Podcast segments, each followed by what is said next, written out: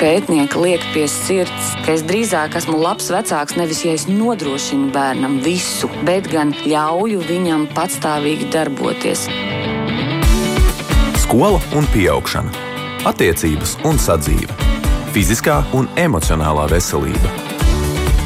Par šo un daudz ko citu raidījumā ģimenes studija. Jā, labdien! Radījums ģimenes studija sāk savu skanējumu. Jūs sveicināta producenta Liena Vimba. Mans vārds ir Agnese Linka. Kādas ir jaunākās atziņas par mazuļu aprūpi un veselīgu attīstību tieši viņa pirmajā dzīves gadā, kad un kāpēc eh, bērns ir eh, jāved uz vingrošanu vai uz masāžām, un vai visiem jau dažu mēnešu vecumā ir ieteicama, piemēram, peldēšana un tam līdzīgi. Par to kopīgi šodien izvaicāsim speciālistus un uzklausīsim viņu viedokļus ģimenes studijā, un ģimenes studijā tāpēc es eh, šodien sveicinu fizioterapeiti psihoterapeite Zani Paiču un Klaudiju Hēlu. Labdien! Labdien! Jā.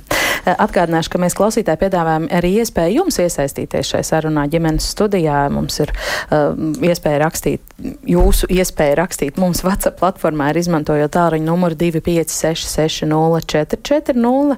Jūs varat kādus jautājumus iesūtīt vai kādus pieredzes stāsts vai viedokļus. Un, protams, kā vienmēr varat arī rakstīt Latvijas uh, Radio 1 raidījumam ģimenes studiju no mūsu mājaslapas. Tur ir tāda poga nosūtīta ziņu, kā alažas laipni aicināt iesaistīties šai sarunā.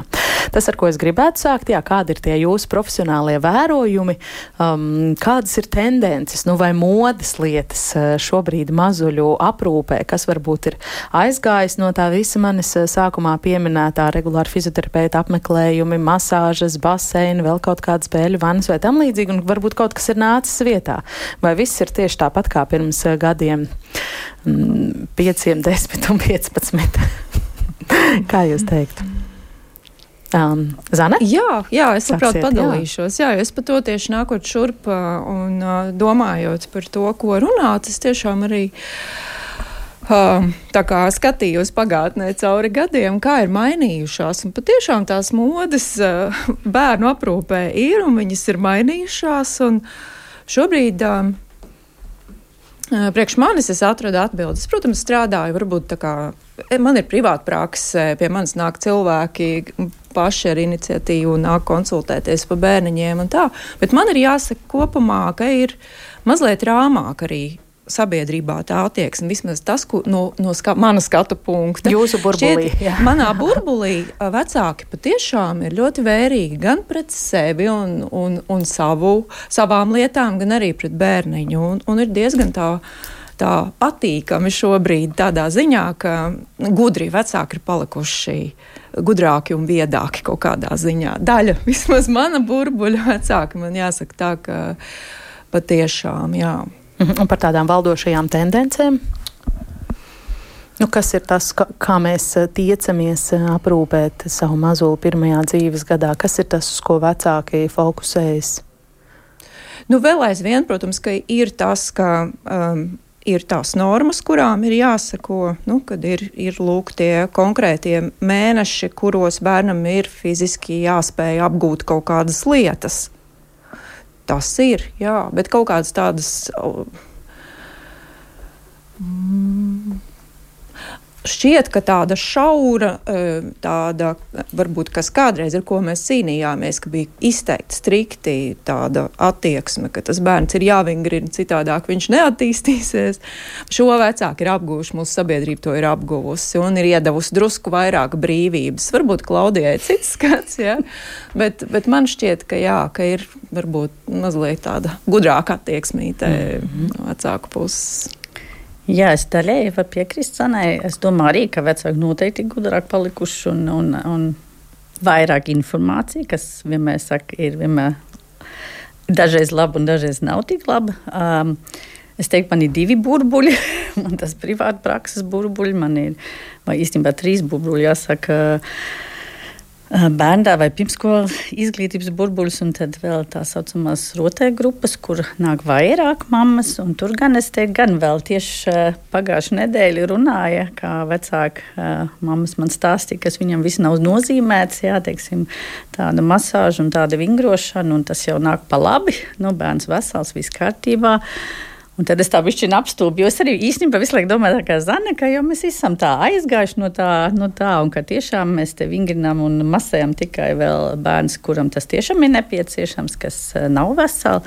Bet izrādās, tomēr arī ir vēl tas, tas, tas cits burbulis, laikam, ko tomēr vēl, vēl ar vienu šis pastāvāk tas uzskats, ka nu, vingrošana nav kaitīga, un tāpēc aiziet un visu programmu izējām, masāžu izējām, jā, nu, ne, jā, jā, neskādēs jau, jā, teiksim, vai vajag ir galīgi cits ēdams, un tas man liekas, man, jā, tas man pārsteidz, un, uh, jā, un tad mums bija ilga saruna.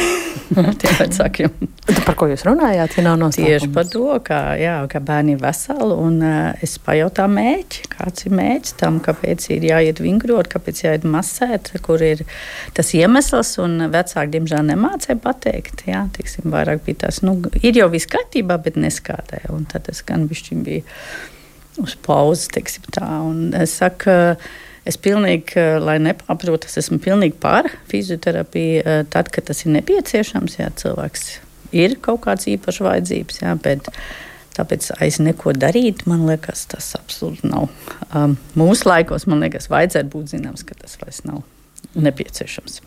Nu, bet uh, profilakses pēc fizioterapija, tāpēc, ka es gribu savam bērnam to labāko, Tad es uzreiz prasu, kas ir labākais un kas ir profilaks. Es vienmēr, es arī tiešām par kā Zana nākot uz šeit, domāju, ka tur šiem būs šīs līdzīgas jautājums. Un es vienmēr saku vecākiem, jūs esat pamēģinājuši gulēt savam zīdainim kaut vai dažu mēnešu vecām vai nu pat dzimušam blakus, un esat mēģinājuši visu to pašu darīt, ko viņš dara veselam bērnam. Un tad pasakiet man, ko viņam vēl jādara. Jā? Jūs pusi no tā neizdarīsiet. Jā? Ja jūs precīzi izpildīsiet tos vingrinājumus, ko viņš pats jau izpildīja, tad kāpēc vēl vajag? Un, Uh, es jau, protams, atkal uzreiz savu, savu pikla pedagoģiju skatos uz šo, teiksim, vai mēs esam aizdomājuši par to, ja tev visu laiku kāds saka priekšā, kas tev jādara, ko tas dod cilvēkam, kam viņa personībā. Ja es tev visu laiku saku, tev jādara tā savādāk, tu duši nekad nestaigās, vai ja tu nedarīsi to, tad tu nekad nesēdēsi, vai tev ļoti vēl tas dara, vai tu nedari tā. Tas jau arī tam cilvēkam dod, šim mazam cilvēkam sajūta, ka viņš tiešām jau nemāk jau neko.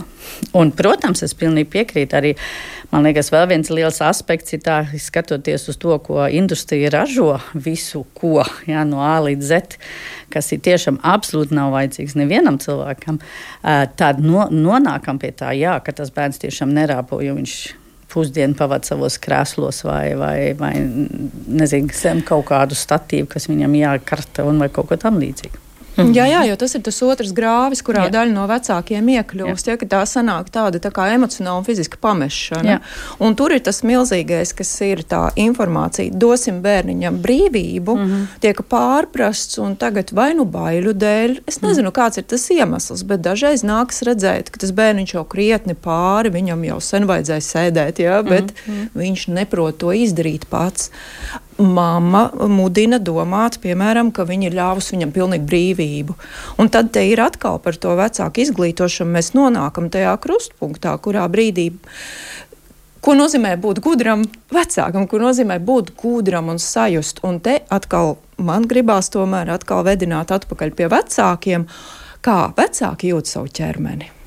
Ko viņi dara priekš sevis, kā viņi mm. dzīvo, kā Jā. viņi uztver savu ķermeni. Jo tas ir tas veids, kā, kā bērns uztver sevi.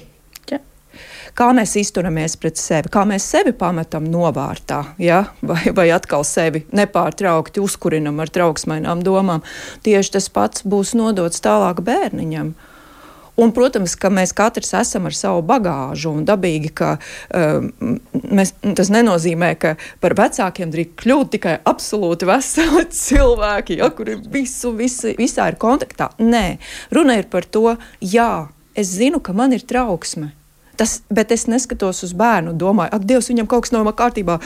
Tās ir manas domas, ja tas ir manas emocijas un manas sajūtas. Un ka atdalīt to, un tas ir milzīgs vēl ceļš uz priekšu ejams, ja, bet kas jau arī sākās. Nu, tādā ziņā, ka vecāki paliek gudrāki. Un tiešām es dzirdu, ja, vai ka mamīte saka, jā, man ir tāda sajūta, ka viņam viss kaut kas nav kārtībā. Nesaka vairs manam bērnam, nav nekas kārtībā, ja, bet saka, man ir sajūta. Tas nozīmē, ka viņa paņem to daļu arī, no se, arī to savu daļu tajā trauksmē. Nu tā, nu, jā, mēs gājām par, par, par psiholoģiju arī, bet kāda ir zina jūs tā atbildi, ja, piemēram, eh, jums kāds topošais vai jaunais vecāks jautā, nu vai, eh, vai piemēram, vingrošana vai fizioterapeita vizītes profilakses pēc bērnam ir ieteicams, un ja jā, tad cik bieži? Es vienmēr saku, un es balsoju ar abām rokām par, par konsultācijām. Jā, ja, un es arī vecākiem saku, ja jūs jūtat trauksmi, un jums ir tiešām sakrājušies daudz jautājumu, jā, nāciet, un nāciet reizi mēnesī, vai nāciet kaut vai reizi nedēļā, ja jums tā ir labāk. Un tiešām daudz vecāki tā arī izvēlās, jo viņiem vajag to tā saucamo čekapiņu, ja drusciņu vai, vai viss ir kārtībā. Tas viņu trauksmes mazliet, bet arī bērniņam. Un es arī vecākiem saku, man liekas, ka varbūt šobrīd mēs varam, jūs varat panākt biežāk. Es mazliet pielikšu roku, mazliet mēs tā kā paskatīsimies, ja, vai viņš tiek galā vai nē ar saviem uzdevumiem šī brīža. Dažreiz es pieslēdzos, bet pārsvarā es tomēr saku vecākiem, ka tā nebūs tāda vingrošana, ka es tagad viņam kaut ko mācīšu.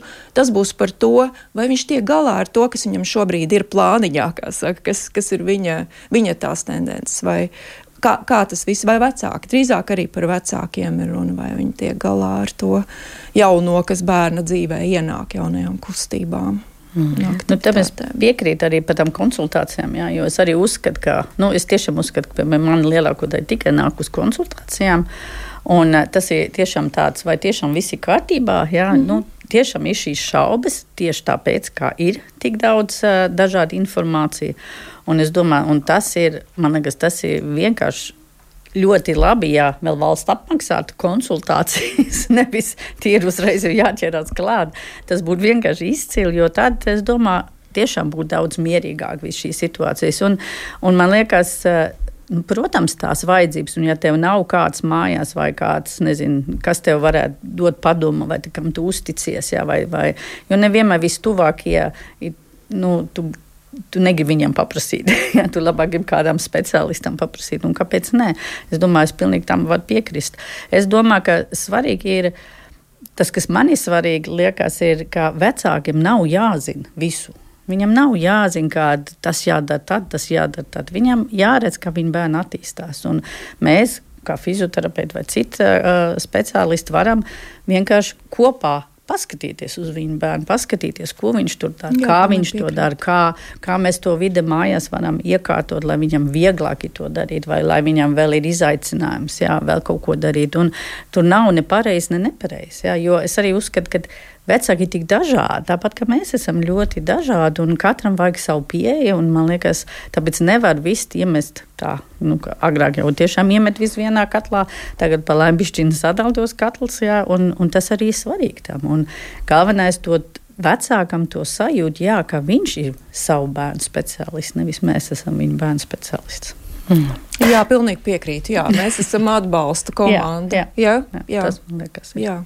Un šai brīdī vēl kādam speciālistam dosim vārdu. Mūsu sarunai pievienosies arī bērnu neiroloģa Vīzma Meikšāna, kurai arī dzen, mēs ģimenes studiju vaicājām pēc viņas viedokļa, vai ārēji veselam mazulim ir jāapmeklē fizioterapeits, kādas masāžas vai, piemēram, peldēšana. Paklausīsimies dakteris teiktajā. Fizioterapeiti, viņi dara, man liekas, trijādu darbu. Viens ir strādā kopā ar vecākiem, parāda vecākiem, ko vēl var darīt ar bērniņu, lai veicinātu viņa ķermenisko pieredzi, drīzāk teiktu. Kaut gan, ja bērns labi attīstās, viņš pats piedzīvo to ķermenisko pieredzi. Ja viņi dod brīvību, droša vide, tad viņš īstenībā visu pats dara. Nu, tā ir tā, tā kā izglītošana. Ja? Un tad otrs ir tāda kā novērošana, ko var iet pie fizioterapeita ik pa trim mēnešiem, ik pa diviem, trim mēnešiem un nodrošināties, ka man viss ir tiešām šam vecumam atbilstoši, man bērniņš attīstās. Un trešais, protams, ir tā tiešā korekcija, ka viņi tieši iedarbojas uz tām lietām, tur, kur kavējās.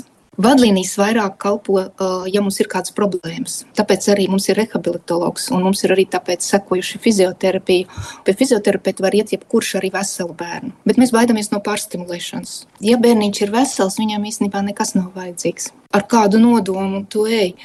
Vai vienkārši tikai tāpēc, ka droši paliek droši, Es neesmu pārliecināta par savu bērnu veselību, un es teikšu, ka tas visbiežāk, vismaz manā praksē, skan. Es tomēr drošības pēc aizgāju. Neticības sev, to es vairāk lieku pirmā vietā par problēmu, kāpēc tiek tik ļoti noslogot patreiz fizioterapeiti. Protams, fizioterapija ir nepieciešama tad, ja ir kaut kādas attīstības aizturas, tad seko rehabilitologs, un tā ir tā kā komandas darbs. Fizioterapija kalpotu arī, ja ir um, runa par visādiem muskuļu tonusiem. Man liekas, ka tas vispār ir kaut kāds tas vārds, ir tā kā tāds bubulis, muskuļtonus. Nu, mums visiem ir muskuļtonusi.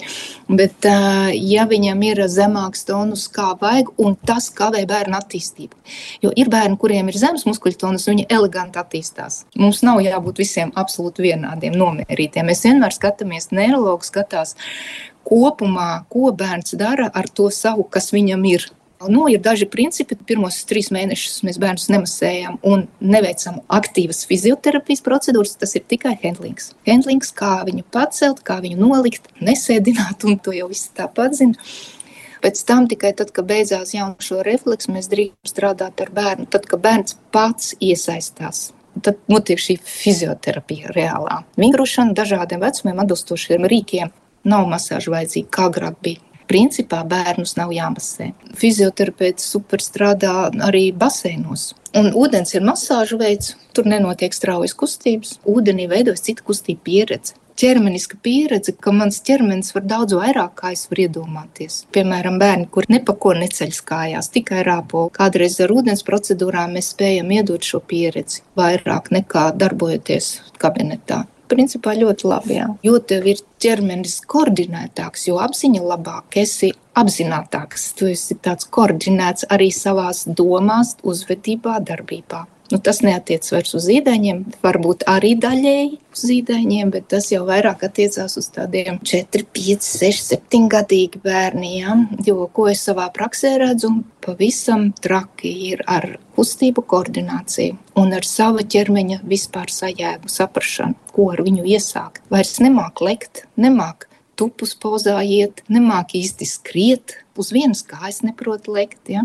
neprot uh, vārdas lecienus taisīt, gāžās krīt nekoordinēti. Šādā situācijā fizioterapeitu darbs viņi reizē arī veicina neiroplastisko korekciju. Labās kreisās puslodes sabalansēšanu. Es teikšu, ka arī liels ieguldījums ir tas, kad mēs slavējam to bērnu jo viņš ir vesels. priekš vecākiem, priekš mātes pārsvarā tas ir. Un tādā veidā mēs apliecinam, ka ar viņu viss ir kārtībā, ka viņš dara tiešām to, kas viņam ir jādara, ka viņu nevajag kaut ko vēl veicināt un attīstīt, jo mums iet ideāli vienkārši. Tādēļ var aiziet pie rehabilitologa un vēlreiz pārskatīt pāri tam vecumam atbilstošo kustību aktivitāti vai kustību pieredzi un prognozēt tālāk, kas viņam būs, lai vecāki it kā gatavojas, kas viņu gaida. Kad notiks tā, ka viņš piecelsies četrāpus, un uzreiz nerāpos. Viņš šūposies vēl veselu mēnesi. Un tas ir labi, un tas ir pareizi. Jā. Un tad, kad viņš celsies četrāps un rāpos, viņš automātiski ceļas kājās. Un tu nedrīkst viņu apturēt, bet nedrīkst celties kājās. Bet drīkst celties, jo mēs nedrīkstam apturēt to attīstību. Nu, es dzirdu tādu Nedrīkst viņš stāvēt kājās, būs līgas kājas vai kaut kas tur vēl, vai mugura kaut kāda. No drīkst, mēs nedrīkstam apturēt, bet mēs nedrīkstam turēt viņu, lai viņš stāv kājās. Mums ir jāpriecājas par to. Tā kā es arī ļoti bieži dzirdu to, ka pirmos trīs mēnešus vecāki liek bērnu uz vēdera. Jo ir kaut kur teikts, ka viņam jāguļ uz tā vēders, nezinu, 5 vai 10 minūtes. Tas ir vispār absolūti jāaizliedz. Ja? Viņš ir jāgroza, viņš ir jāliek uz vēdera, bet viņš nav jātur militārā režīmā desmit minūtes. Ja? Jo bērna galvu viņš ceļ uz muguras rēķinu, viņš ceļ uz zemgrozes refleksu rēķinu, uz jaundzimušo refleksu rēķinu, viņš mocās. Tas nav viņš, kas to dara. Un mums nav nekas jātrenē. Mums ir jāpriecājas, ka viņš pacēla galvu vienu sekundi. Viss. Mēs par to esam priecīgi. Un beidzam. Nu, sakot, ir daudz tāds, kas tiek pārprasts drīzāk. Mums kaut kādu vajag tā kā apaļo galdu, vai, jo ir kaut kas izrauts no konteksta, vai nav tā kā pateikts līdz galam, vai arī nav saprasts līdz galam. Nu, un tad es arī strādāju uz to. Tad paldies internetam visas vingrošanas notiek skatoties, ko bērns par to saka. Ja viņš sāk raudāt, nav jēga, nav nozīme vingrot. Viņš ir tik saspringts un pārsaspringts, tā labāk iet prom un, un nākošais atnāk. Bet, zin kā, mums ir jāskatās vienmēr ir uz bērna seju. Visa pēdējā balstās to, ka mēs skatāmies, ko bērns par to teiks, ko mēs ar viņu tikai mēģinam ar iesākt un tagad mēģinam attīstīt viņā. Ja, ja viņš paliek pēc tam miegains vai ļoti uzbudināts, tas nav viņa, viņš ir pārstimulēts vai arī nav pareizajā dienas pusē, vai arī pa biežu mēs ejam, vai pa ilgu, vai tā vispār telpa ir pa skaļu. Viņam ļoti jānolasa actiņās, jāskatās, jā, un sēņā. Un tas viss ir jādara pa centimetram lēni. Sevišķi maziņie, kuri līdz trim mēnešiem, ko viņi vispār ne, nezina savu ķermeni, ko ar to iesākt. Un tas ir tā, kā ka mums būtu acis ciet un kāds pienāk un ar mums sāk kaut ko darīt. Un tad uzreiz saspringst. Un to var nosaukt par paaugstinātu tonus. Tas nav paaugstināts tonus, tas ir vienkārši emocionāls tonus ko ar mani iesāk. Un pieredzējuši fizioterapeiti arī praktiski novēro un runā ar vecākiem vairāk nekā aktīvi strādā ar viņu tajā laikā. Ja viņš attīstās labi, viņu neaiztiek to bērnu. Bērns vienkārši demonstrē, ko viņš prot, un, un parunājās un iet projām. Vai arī pasaka kādas idejas, ko vēl mājās var darīt. Ja? Jo es ļoti bieži dzirdu to, ka kā man vēl viņam veicināt attīstību nekā lieciet mierā. Mums ir pārstimulācija pa labi, pa kreisi, visās malās. Vislabāk attīstās tad, kad ir klusums mājās. Arī telefonu nogriezt. Pie zvan, durvīm neviens nezvan, un vecāki ir uz grīdas kopā ar bērnu un nejaucās bērnu attīstībā. Un tad notiek vienkārši maģisks klikšķis. Bet visu laiku stimulēt, mēs īstenībā visu laiku jaucamies viņa dzīvē. Es domāju, ka tā būs nākošā sērga jā, ar to pārstimulāciju ģimenes studija. Jā, tālāk, doktora Vizma Meikšāne, bērnu neiroloģe, un šeit studijā joprojām kopā ar mums ir fizioterapeits Zana Paiča un Klaudija Hēla. Um, kas no doktora Meikšānes teiktā sakrīt ar jūsu redzējumu, ko varbūt gribētos pasvītrot vai akcentēt vai komentēt? Es noteikti varu tikai pateikt liels paldies doktorai par, par šiem vārdiem, par visiem viņas vārdiem. Es domāju, tas ir tieši tas, par ko ir tas stāst. Protams, tas, um, kas man liekas, ir tā problemātika daudzās lietās, ir tā, ka nu, mēs katrs runājām uh, nu, ne, nu, kā lai pasakā, nevienādi. Jā, teiksim, viens pasakā, ka jāsēž tad, otrs jāsaka, ka tāds, un tas jau arī taisa tos vecāki tik nedroši. Un tā, tā amplitūda, kā es vienmēr saku, no tā, kad viens bērns kaut ko dara, un kad jau tas man liekas ir aizdomīgi, ka viņš vēl vien to nedara, tā laikam mums visiem, katram fizioterapeitam ir sava, jā, savs uzskats, savs, kā viņš ir mācījies vai kaut ko tam līdzīgs. Un, Tas man liekas, ir kādreiz tā problemātika. Tā visā arī, protams, arī starp rehabilitologiem un fizioterapeitiem ir ļoti, dažreiz ļoti atšķirīgi tie, tie uzskati, ja, kas ko kurā brīdī jādara. Uh, bet, um, un es noteikti vienmēr vecākiem mēģinu arī jau teikt, lai uh, cenšas izvairīties no šo vārdu veicināt kaut ko. Ja. Mums nekas nav jāveicina, tieši kā doktor teica, jā, ir svarīgi dot vide tāda vide, kur bērns var attīstīties. Un tad viņš arī attīstās. Vesels bērns attīstās. Jebkurā vidē visi viņi staigās, visi sēdēs rāpos. Man, protams, vēl ir svarīga arī šī garīgā attīstība, tad šī kustība un spēlēšanas laiks, kas iet kopā, ka to nedrīkst atdalīt un arī nevajag atdalīt un nevajag ieciklēties visu laiku tikai uz kustībām. Jo kustība ir viens, bet mēs jau gribam arī, ka viņam ir šis radošums, ka viņš garīgi attīstās, un tā ir spēlēšana. Un tas ir tas, šie divi komponenti jāskatās kopā uz katru bērnu, un es domāju, un arī nav slikti no vienas puses, uzskat, ka ir ļoti labi, jā, viens pišķiņš tā domā, otrs pišķiņš savādāk, mums ir ļoti daudz pieejas visādas, bet galvenais ir tas, tas, tas ko doktori arī teica, ka, ja tev ir vesels bērns, tad ļauj viņam strādāt pašam. Jā, tev nekas Tādā ziņā tev ir jādara, tev jārada viņam vide ko viņš visu var darīt. Un nedrīkst viņu kaut ko iespundēt, un tev jāsaprot, kāda vide viņam ir nepieciešams. Un man liekas, par to mums vajadzētu daudz vairāk runāt, nekā kāda vingrinājuma viņam būtu nepieciešams. Jo tieši tā vide jau ir tā. Jā, teiksim, vecāks saka, jā, es jau viņu tur nolieku uz tā aktivitāšu centru, un tā viņš man tur guļ, un tā jau viņš visu dara. Nu, tā nav tā vide, kas viņam ir vajadzīga konkrētajā vecumā. Jā, tas ir tas par to jārunā daudz vairāk. Un, Jā, un tad man liekas, ka tiešām ir tā, tā tas, ko mēs jau runājam iepriekš, tad, tad ir svarīgi, ka ir tādi doktori, kas stiprina vecāks, kā ir fizioterapeiti, kas stiprina vecāks bet to bērnu atstāja mierā.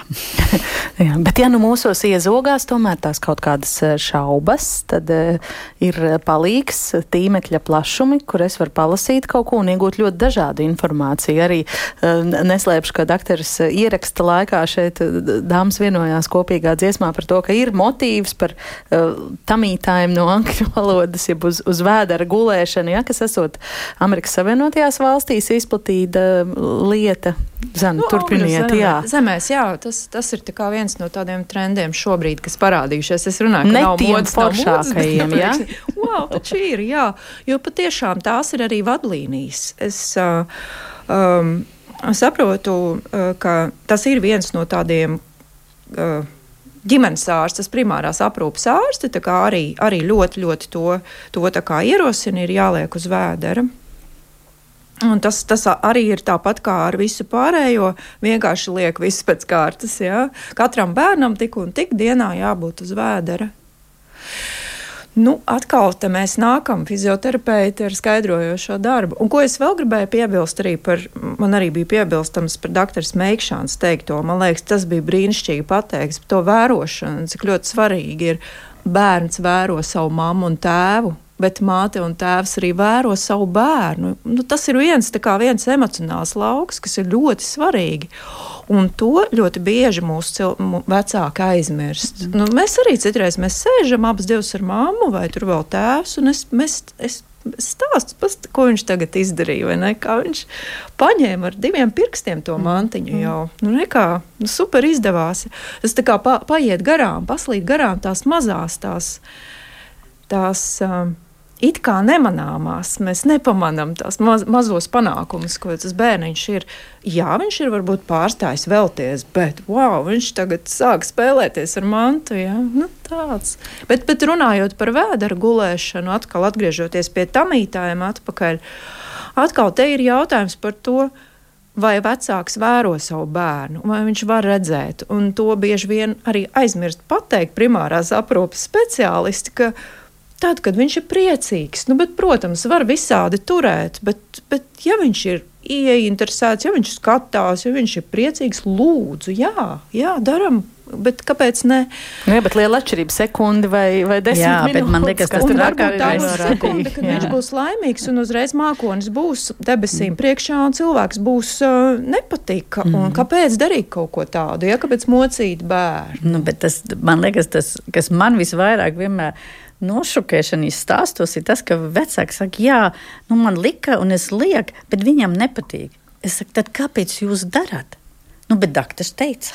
ja, un, un tas man liekas, mm, nu, tas ir tik daudzās lietās, ja, ka es domāju, es vienmēr vecākiem saka, bet jūs taču savu bērnu vislabāk jūtat, mm -hmm. jūs viņu vislabāk saprotat. Un, ja jūs redzat, jūs taču arī nedarīt kaut ko tādu, kas jums galīgi, galīgi nepatīk. Ja?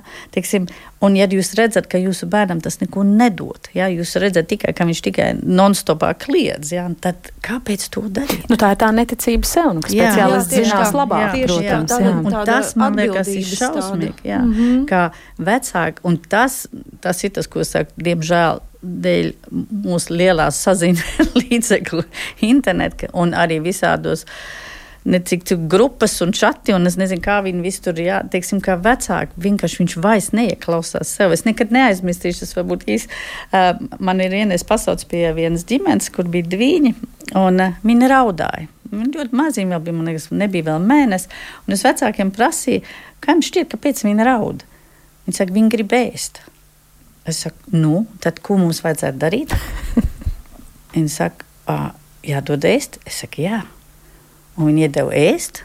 Un tad viņi varēja aprūpēt bez raudāšanas. Un tā bija mana fizioterapijas konsultācija. Jā, teiksim, es, man liekas, tie vecāki bija tā aizbraukuši mm -hmm. citos mākoņos vai citā sfērā, ka viņi pašu primitīvāko, ko viņi jebkuram citam vecākam arī teikt, ja viņi vairs nevarēs saredzēt. Nu jā, nu varbūt bija stāsts pirms tam kāds devis padomu, ka jābrauc jā, tikai jā, noteiktās stundās jā, jā, un nekad nebiežāk vienalga, lai cik stipri raudāts. Bet te mēs atkal nonākam atpakaļ kā vecāks ir bijis aprūpēts kā jā, bēbītis. Protams, jā? Jā, un te ir atkal, te, te mēs varam izplūst. Man šī tēma, es mhm, varu jā, jā. izplūst ļoti gari par kultūru vēsturisko mantojumu. ko mēs darīsim citreiz un citus speciālistus, protams. Bet tas ir, nu, ka mums ir jāstiprina tie vecāki. Mm -hmm. Īstenībā, jo atkal mēs atgriežamies pie tā, jūs esat jūs esat tā vērti, bez mazliet tā kā mhm. tādā stumbā reklāmā. Jā, jā. Bet, bet tā ir. Ja? Jā, tā ir. Tā ir. Par to pārstimulēšanu, ko doktori savā teiktā beigās akcentēja, ka nu, viņas prāt tā būs nākamā lielā problēma - pārstimulēt bērnu. Redzat tādus savā ikdienā darbā?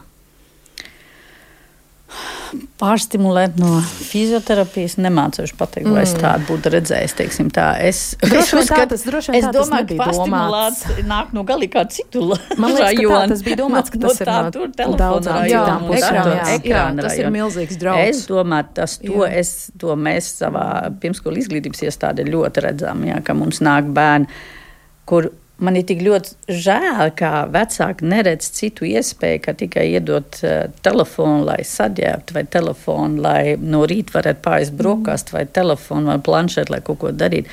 Un man liekas, par to dīvainā kārtā laikam vēl ar vienu pa maz runā, kā vecāki tiešām nesaprot, neredz to to lielo bīstamību no tā, kas, kas notiek, ja viņi turpina. Jo mēs redzam to uzreiz, kā viņi spēlējās, kādi viņi emocionāli ir šie bērni. Viņi tiešām nezin, kur likties. Viņam ir. Jā, viņi, es pat nevaru pateikt, noraksturot viņu tik jā, bez plāna, bez nekā. Jā, viņi, viņam vajag visu laiku tādus, tādus ļoti intensīvs uzbudinājums, jā, intensīvi kaut kas, jā, buh, notiek. Un, Es dažreiz jau arī um, skatos, un tad es redzu, kā viņiem jau kuru kluči un spaidi tās pogas vai sēž un tēlo, jā, teiksim, kā spēlē tās spēles. Jā, nu, tie domā, ir lielāki bērniņi, vai ne? Tie, nu, tie nav zīdi, tie nav zīdi. Nu, gadinieki, kur pusotra gadnieki, un tas, bet tas jau sākās daudz mazāk. Tas jā. jau dācās daudz mazāk sākās. Tas jau sākās, un bērni pieraduši, kā viņam ir Kaut kad agrāk pie mums nu, labi, nebija telefona, tad bija tie, tie statīvi, kas tika karināti un karuseli bērnam virs galvas. Tagad mums ir modernāka, tagad mums ir televizori. Nevis, bet nevis televizori, bet planšeti un datori, kas tiek karināti. Bet man gribētos par tiem karuseļiem virs galvas vai kaut ko tam līdzīgu arī uh, vēl, vēl pagūt, uh, ietilpināt šai sarunā, jo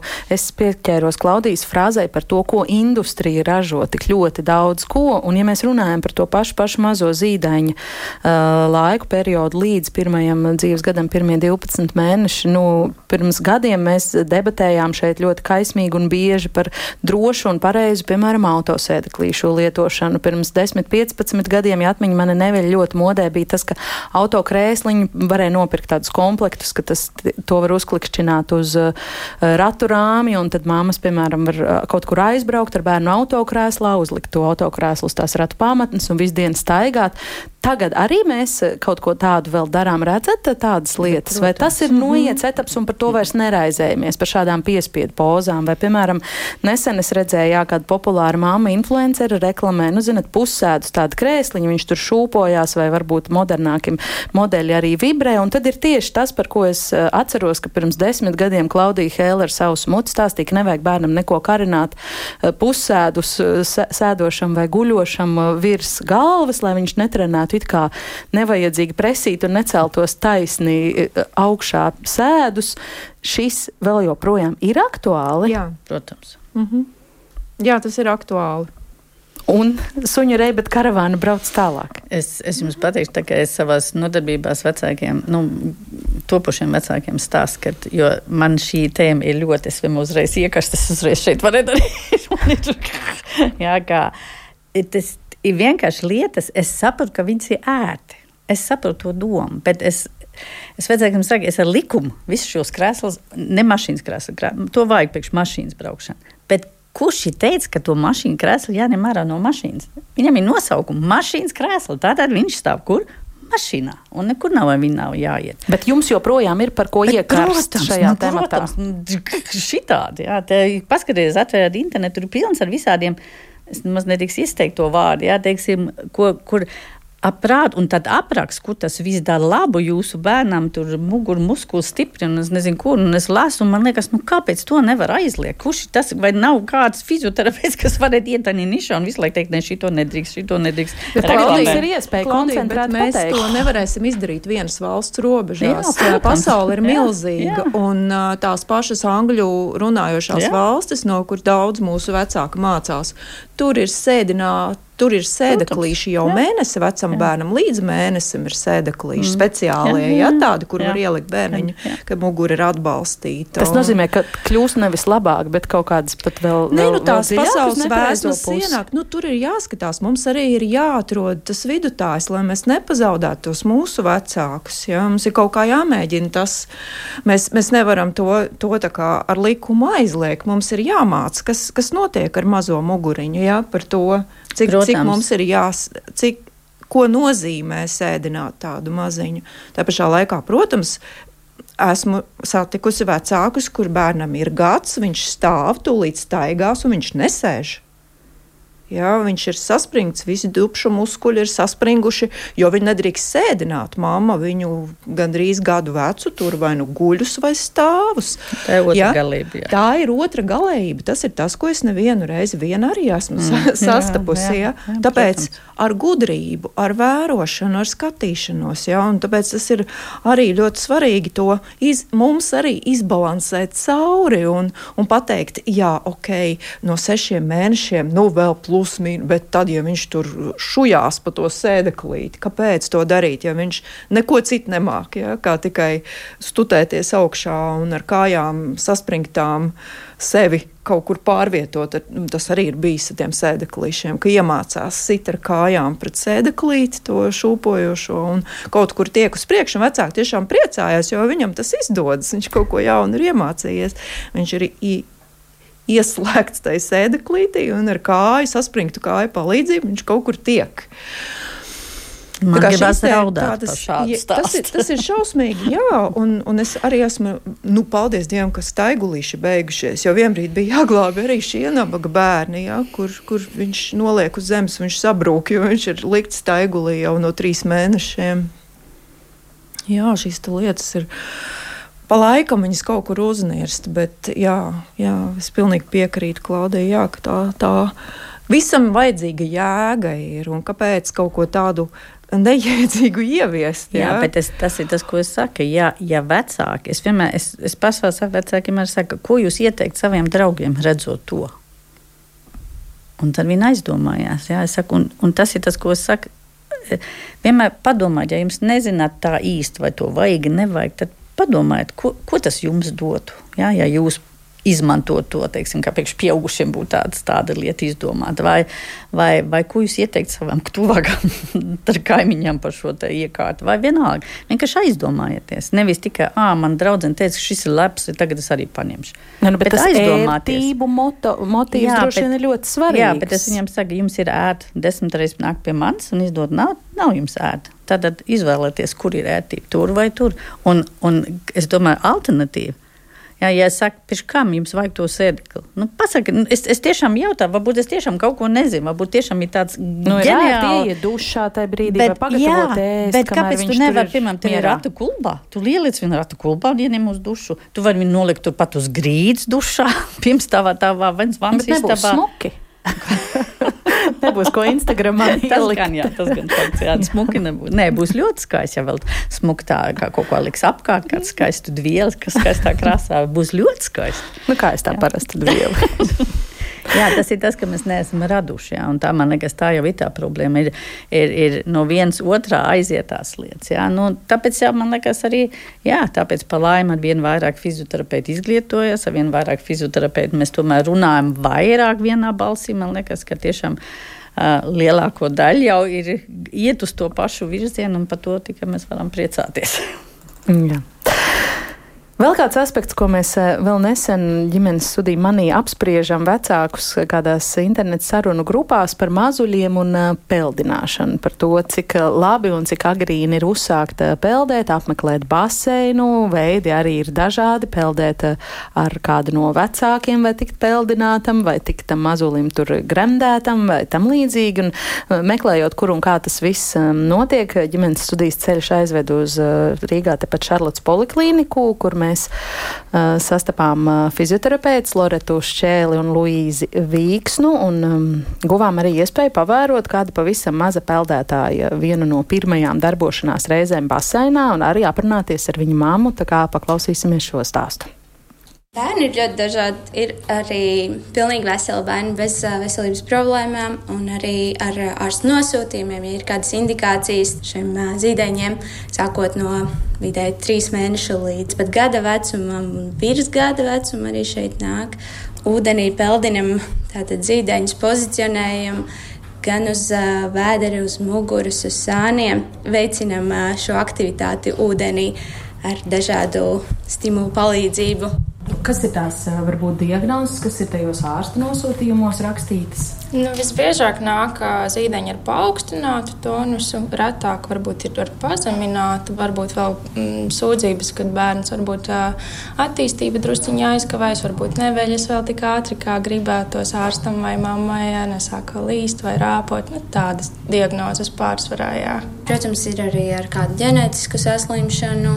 Ne pārāk bieži, bet gadās kāds no vecākiem tiešām ir izvēlējies atvest tikai nu, šī diagnoze pat nav uzstādīta. Jā. Viņi saņem ģimenes ārsta atļauju un tiek uz šo nodarbību. No vecākiem teksts visbiežāk ir tāds, ka viņi grib, lai bērns uzsāktu ātrāk peldēt.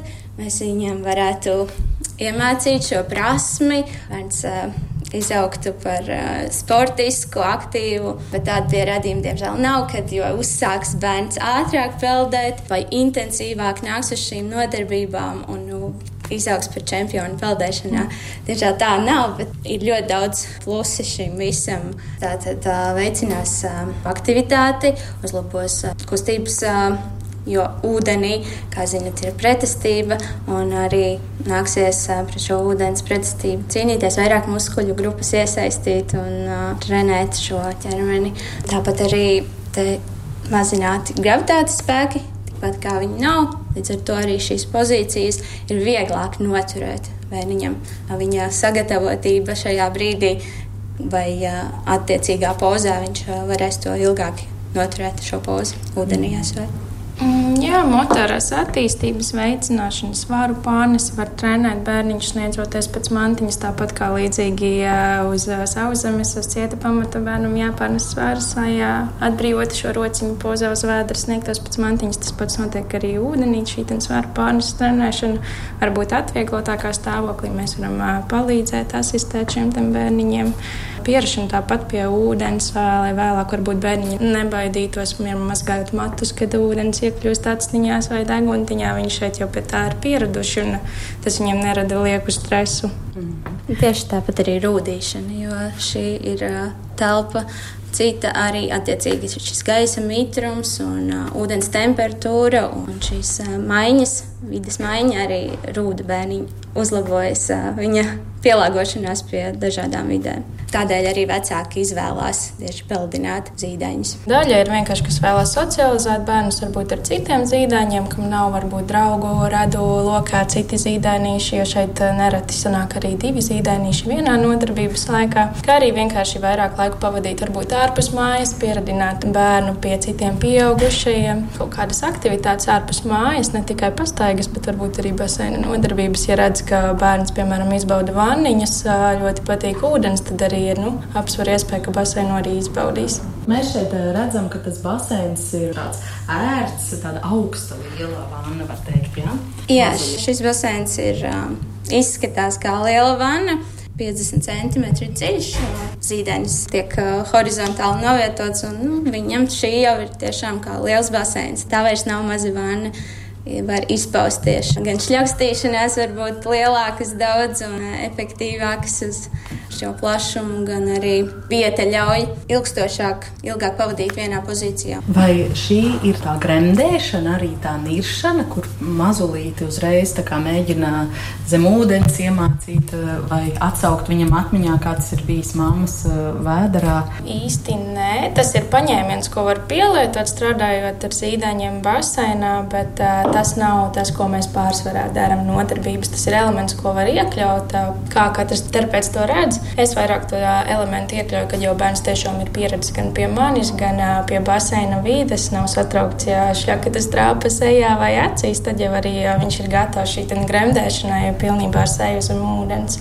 Bet jā, ir dažādi terapeiti, dažādi viedokļi par to, bet nē, tas nav pārsvarā tas, ko mēs darām. Vairāk mēs pavadām laiku baseinā uz vēdera, tverot mantiņas, tāpat izšļakstīšanās gan ar rociņām, gan kājām, imitējot rāpošanu vai līšanas kustības kā arī uz sāniņiem.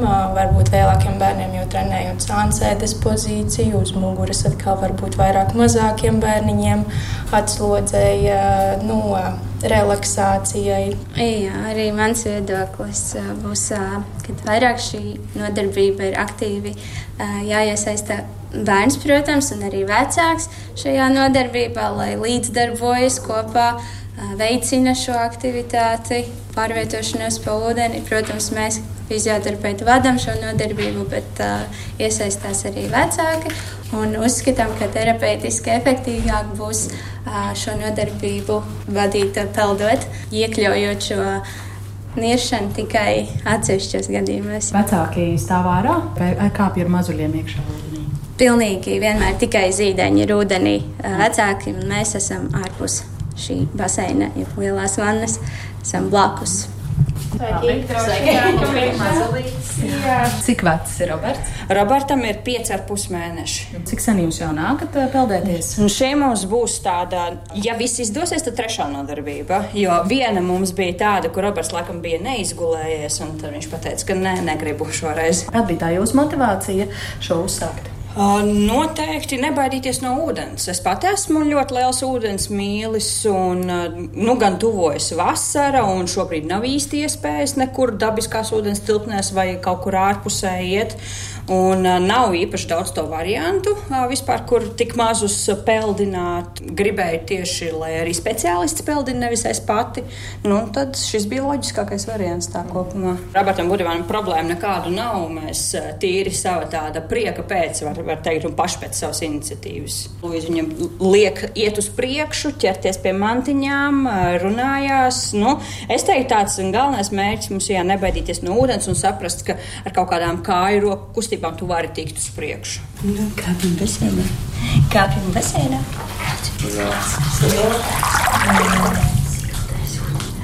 O, jā, visi, visi, visi jau aiziet, jau aiziet. Mājās arī viņš labprāt bauda ūdeni vannu. Es teiktu, ka viņš nav lielā starā, bet nav arī tā, ka viņam nepatīk. Tas arī bija vēl viens tāds iemesls, kāpēc es gribēju uz baseinu tikt lai viņš kaut kā sāktu baudīt to lielo ūdeni. Es ceru, ka tas, ka tas notiks vēl. ja drīkst jautāt, vai jūs esat gājuši arī vēl kaut kur? Handlingu, fizioterapiju, masāžu? À, jā, kopumā Roberts iet pie fizioterapeita uz vingrošanu. Nu, tā vidē varētu teikt, reizi nedēļā. Bija aktīvāks periods, kad tur divas reizes nedēļā. Tagad vispār mums būs tikai reizi mēnesī, jo visi ārsti pateikuši, ka Robertam viss ir kārtībā, ka nav nekādas vajadzības. Handlings mums bija ar vīru pirms Roberts piedzima. To mēs īpaši īpaši gājām mācīties, tāpēc, ka mums nebija nekādas pieredzes. Līdz trim mēnešiem ir kamēr vienas pozīcijas, no trīs līdz seši ir otras pozīcijas, un tagad mēs gaidām sešu mēnešu vizīti kad būs jau atkal nākamais, nākamie triki, kas mums būs jādara, lai nu, pirmkārt, ne tikai veicinātu to attīstību, bet nu, lai nebremzētu to visu. Jo, protams, bērns ir uz rokām man ļoti daudz. Es negribu viņam nodarīt pāri, es gribu veicināt to attīstību. Nu, tāpēc ir, manuprāt, jā, svarīgi, svarīgas tādas lietas. Mēs tiekamies ģimenes studijā. Jā, nu tāds lūk stāsts no viena mazuļa peldēšanas nodarbības. Atkal kaut kas, ko jūs komentētu, piebilstu vai iebilstu par dzirdēto. Jā, kamēr ieraksts gāja, tad es padalījos arī šeit ar, ar jums par to, ka arī esmu pati strādājusi basēnā kaut kādu laika posmu. Tieši tajā pašā vietā. Ar mazulīšiem, jā. Ar mazulīšiem, jā. Un man tas novērojams, ka jā, patiešām es te dāmām teicu, ka kaut kāda piektā daļa no visiem patiešām reāli var redzēt, ka tam bērnam ļoti patīk tas ūdens. Un vecāks ir bijis tāds atvērts un priecīgs, ka visa tā. Visa tā peldēšanas lieta ir bijusi fantastisks notikums tam bērniņam arī, ka tur ir tāds apusējs. Un atceros, bija viena ģimene, kur tas uh, mazais puisis uh, tur divu gadu vecumā jau tur jau pats peldējis ja, kaut kur jūriņā ar vecākiem kopā. Tas ir viens gadījums, nu, maksimums divi, trīs manā pieredzē. Tad, ko jūs Pārsvarā, sakāt, vai mazuļiem ir jāiet peldēt, jo agrāk, jo labāk? Hmm.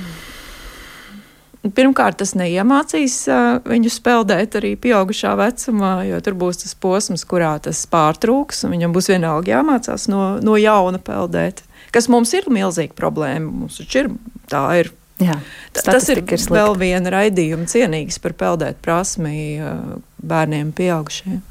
Bet zīdainiešu vecumā tas nebūtu nav tāda saikne ar to, ka viņš mācīs arī kā pieaugušais. Jā, varbūt viņi pastāv, bet tā nav noteicoša. Nu, tā ļoti būtu jāšķiro. Un, ļoti būtu jāskatās un būtu jāiet mammai ar bērniņu kopā, tomēr peldēt tajā baseinā un izbaudīt to visu būšanu. Ja runājam par ves veselīgiem bērniņiem, bet, mm -hmm. ja bērnam ir kaut kādas atkal, kur ir nepieciešama iejaukšanās, kur ir attīstības atpalicība, tā, tad es atceros, bija brīnišķīgs gadījums, kur bērns ar Dauna sindromu, jā, jā, tur tā būšana baseinā ļoti palīdzēja viņam labāk sajust savu ķermeni. Viņš tiešām bija laba rehabilitācijas sastāvdaļa baseins. Jā, tas līdzīgi kā ar Meikšānu arī teica, jā, ka ūdens jā, procedūras pie noteiktām diagnozēm ļoti labi. Jā. Un es vairāk esmu kā, par daudzām lietām, tikai lūdzu pieslēdzam saprātu un lai tas viss notiek ar prieku. Un, ja patiešām tā ir tāda veselības veicināšana, ja vārds veicināšana, tad lai lūdzu tas notiek nevis ar, ar drausmīgām mokām, trauksmi un, un, un bailēm no ūdens, ka tas beidzās, bet ka tas beidzās ar to, ka jā, tas bērns patiešām mm -hmm. kopā ar vecāku izbauda to mirkli. Klaudija, ko domājāt šai stāstā klausoties? Es varbūt īsi mm, es teiktu, uh, ja es gribu iet basēnā, es kā vecāks ar savu bērnu, tad es ar savu bērnu varu jebkurā basēnā iet. Man nav nepieciešams veselam bērnam, tā kā Zana teica. Man nav nekāda speciālista vajadzīga. Un, ja man tiešām vajag kāds, kas man pasaka, ko es varu darīt ar savu bērnu, tad es to noteikti vienreiz varu. Ir pietiekami daudz vietas, man zināms, kur ir tiešām vecāki kopā ar bērnu basēnā, un instruktors ir ārpusē, vai treneris ir ārpusē. Viņš rāda un stāsta, un tad to var darīt. Bet es pilnīgi piekrītu, A, neiemācās peldēties, un es esmu gribētu redzēt šo pētījumu, kas parāda, kā pateicoties ūdenim, veselais bērns ātrāk rāpo vai sēž.